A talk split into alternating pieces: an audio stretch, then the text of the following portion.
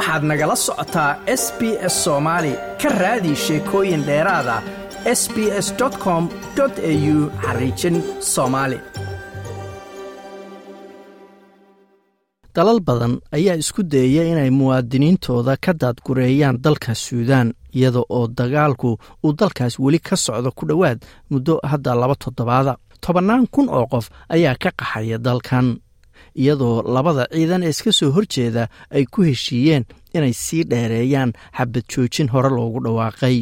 Xabad joojinta ayaanse hor istaagin dagaalka sii socda laakiin bilowgii xabad joojinta ayaa u oggolaaday in kumanaan ay isku dayaan inay u qaxaan meelo ammaana iyadoo dalal badani ay isku dayayaan inay muwaadiniintooda kala baxaan dalkaasi saddexda maalmood ee xabad joojinta ee lagu daray ayaa timid kadib wadahadallo diblomaasiyadeed oo ay hogaaminayaan dalalka afrikaanka ah ee dariska la-a suudaan maraykanka u k iyo weliba qaramada midoobey australia ayaa ka mida dalal badan oo isku dayaya inay muwaadiniintooda kala baxaan ama ka daadgureeyaan suudaan. Ku dhowaad toddobaatan australiyaana ayaa si ammaana uga baxay suudaan halka sagaashan kale ay sugayaan in laga daadgureeyo. Waa kan ra'iisul wasaare antony albanisi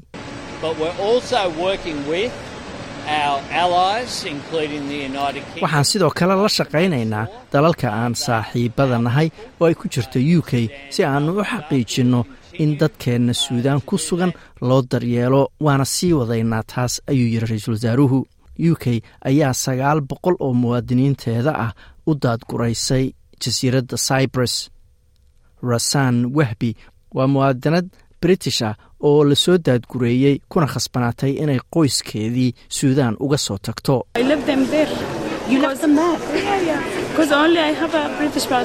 Halkaas ayaan uga soo tegay ayay tidhi. Weriye ayaa weydiiyey ma halkaasaad uga soo tagtay? Haa haa sababtoo ah aniga keliya ayaa baasaboor britisha haystay. Qoyskaygu ma ay haystaan baasaboorka. Marka ma ay soo bixi karin ayay tiri sidee dareemaysaa inaad ka soo tagtay qoyskaagii? Ayaa la weydiiyey. Aad baan uga xumahay ayay tiri. Aad baan uga xumahay. Dhanka kalena dowladda maraykanka ayaa ku boorinaysa muwaadiniinteeda ku haray inay ka baxaan inta xabad joojintu ay socoto. Afhayeenadda aqalka cad ee dalka maraykanka karin jimbier ayaa sheegtay in dowladdeedu ay geysay ilaalo iyo sirdoon lagu taageerayo dariiqyada daadguraynta ee dhulka iyo weliba cirka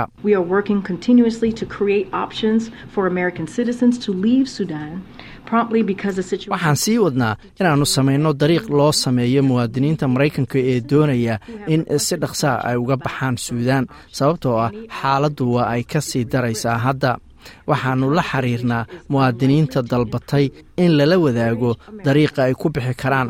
Dariiq kastana waxaa la socda khatar. Laakiin maadaama aysan u badnayn in xaaladdu sii hagaagto waxaannu ku dhiirigelinaynaa dadka maraykanka ah ee doonaya inay baxaan labaatan iyo afarta ama afartan iyo siddeedda saacadood ee soo socda.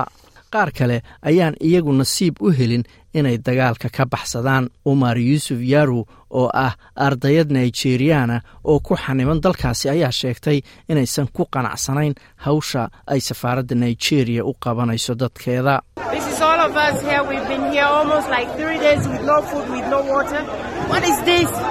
Waxa socda waxa weeye in dhammaanteen halkan aannu joogno saddex maalmood oo cunto iyo biyola'aana ayaannu halkan ku sugannahay. Maxay taha saas seese u dhacday? Macno ma samaynayso inay wax noo qabtaan ayaa la rabay. Waxaan ka filaynay intaas wax ka badan ayay tiri ardayadaasu.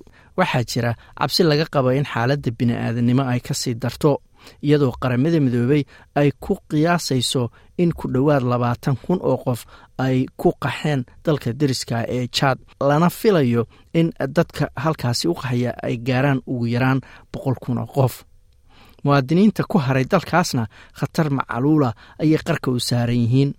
Dagaalka ayay dad ka badan shan boqoloo qof hadda ku dhinteen. Afar kun ayaana ku dhaawacmay sida laga soo xigtay wasaaradda caafimaadka ee dalka suudaan ururka caafimaadka adduunka ee w h o loo soo gaabiyo ayaa saadaalinaysa in dad badan oo kale ay u dhimanayaan xanuunno cunto biyo iyo daawo yari tariiq axmed oo deggan khartuum ayaa waxoogaa saada helay laakiin wuxuu cabsi ka qabaa cunto yari People's mind now are 90% worry. People are not thinking except in worry. maskaxda dadka sagaashan boqolkiiba walwal ayaa ku jira dadku wax kale oo aan ahayn inay naftooda ka walaacsan yihiin kamaba fakaraan xaaladdu hadda waa in cuntadu ay sii gabaabsiyayso ama sii yaraanayso. Muwaadiniintuna waxa ay wajahayaan macaluul ama ugu yaraan cunto yari baahsan. Qaar kale waxay si quus ah isugu dayayaan inay helaan daawooyin lagama maarmaan u ah iyadoo daawo yari ay jirto. W h o ayaa sheegtay in lix iyo toban oo keliya xarumaha caafimaadku ay ka shaqaynayaan caasimadda khaartuum halka ku dhowaad konton kun oo caruura nafaqadarro ay hayso taasoo nafaqadii la siin jiray ay hadda go'day ama istaagtay. Amiir waa milkiile farmashi ku yaalla magaalada oo ka walaacsan daawooyinka sii gabaabsiga ah. If this continues, it will be a big problem and the situation will be catastrophic. Haddii xaaladani sii socoto dhibaato weyn ayay noqonaysaa. Xaalad masiiba ayaa ka dhalanaysa. Hawadii way naga xiran tahay. Daawooyinka intooda badan dhanka cirka ayaannu ku soo dhoofsan jirnay. Marka dhib baannu wajahaynaa. Xataa kaydkii waa dhammaad. Dhib baase soo socda haddii xaaladdu ay isbedeli weydo oo sidaasi ay ku sii socoto ayuu yidhi amiir dagaalka ayaa qarxay kadib markii xiisadi ka dhex bilaabatay taliyaha ciidanka xoogga suudaan iyo taliyaha ciidanka taageerada deg dega labada dhinac ayaa isku diiday hindisaha dalku ugu gudbayo xukun rayida. Gaar ahaan waxaa la isku qabtay wakhtiga ciidanka taageerada deg dega ee arsefka la yidhaahdo lagu darayo ciidanka xoogga koonfurta suudaan ayaa gacan ugu fidisay inay martigeliso wadahadal nabadeed oo labada dhinac dhex mara. Ciidanka xoogga ayaa oggolaaday inay wakiillo u dirsadaan koonfurta suudaan.